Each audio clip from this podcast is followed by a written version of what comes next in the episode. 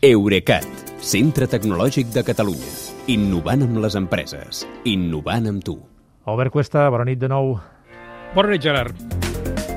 Albert, tenim Netflix d'actualitat, sempre està d'actualitat, uh Mhm. -huh. però és que ara està provant a Xile, Costa Rica i també el Perú el cobrar un suplement als abonats que comparteixin els seus comptes amb altres usuaris sota el mateix sostre.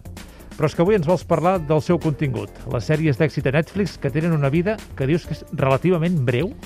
Uh, sí, la plataforma té una audiència global i uns mecanismes de programació molt agressius, però també té una rotació de contingut molt alta. Mira, els títols que arriben a la llista dels 10 més vistos tendeixen a desaparèixer passades només dues setmanes. Vol dir que els pots trobar, però ja no estan destacats.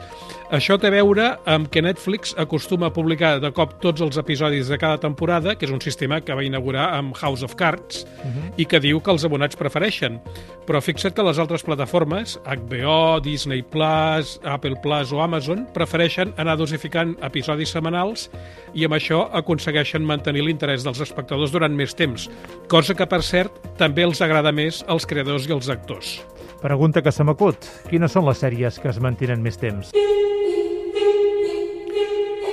Doncs, segons l'anàlisi que Bloomberg ha fet de les dades de visionat de Netflix durant els 8 mesos últims, la més persistent és aquesta que estem sentint, el Joc del Calamar, que ha estat 19 setmanes a la llista de les 10 més vistes.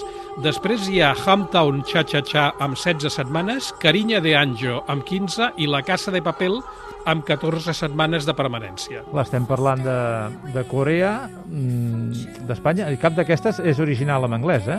Doncs no. Uh, mi mirant les quatre primeres setmanes de les sèries més vistes, les sèries no angleses ja generen més hores de visionat i aquesta tendència va a l'alça. La prova són títols com la coreana, aquesta que dèiem abans, la del calamar, i la que, estan, la que sentim ara, l'espanyola La Casa de Papel. Uh -huh. Tot i això, el total d'hores visionades el dominen les sèries d'origen d'Estats Units, però al darrere venen Corea, el Regne Unit amb Sex Education i Espanya, per aquest ordre. Uh, val a dir, però, que les preferències, Albert, van per barris, eh? O, o per països, en aquest cas. Uh, I tant. Uh, uh, però, I a més no són preferències locals, necessàriament, perquè el títol més popular al Japó és de Corea del Sud, és, i no és el Calamar, sinó el Crash Landing on You, que porta s'ha passat 36 setmanes al capdamunt de la llista del top 10 japonès. A Mèxic sí que és la local Betty la Fea, també amb 35 setmanes, i al Brasil Chiquititas, amb, 8, amb 28 setmanes de permanència. Als Estats Units guanya la infantil Coco Melon, que està basada, és aquesta, Ahà. efectivament, basada en un personatge de YouTube. I, I, escolta, a Netflix també hi ha cinema, però especialment, diguem, està demostrat que encara que hi hagi cinema, és un servei de televisió, eh?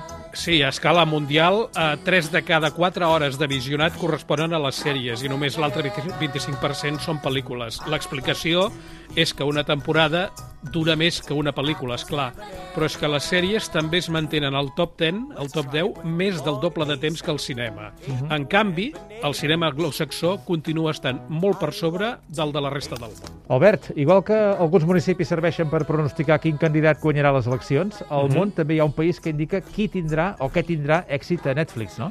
Uh, sí, a Netflix li agrada presumir d'audiències globals i de que els títols d'un país poden triomfar perfectament a l'altre, com a l'altra punta del món, com ja hem explicat. Sí. Però dels mercats principals de la plataforma, el que té uns resultats d'audiència més semblants al total mundial és Brasil.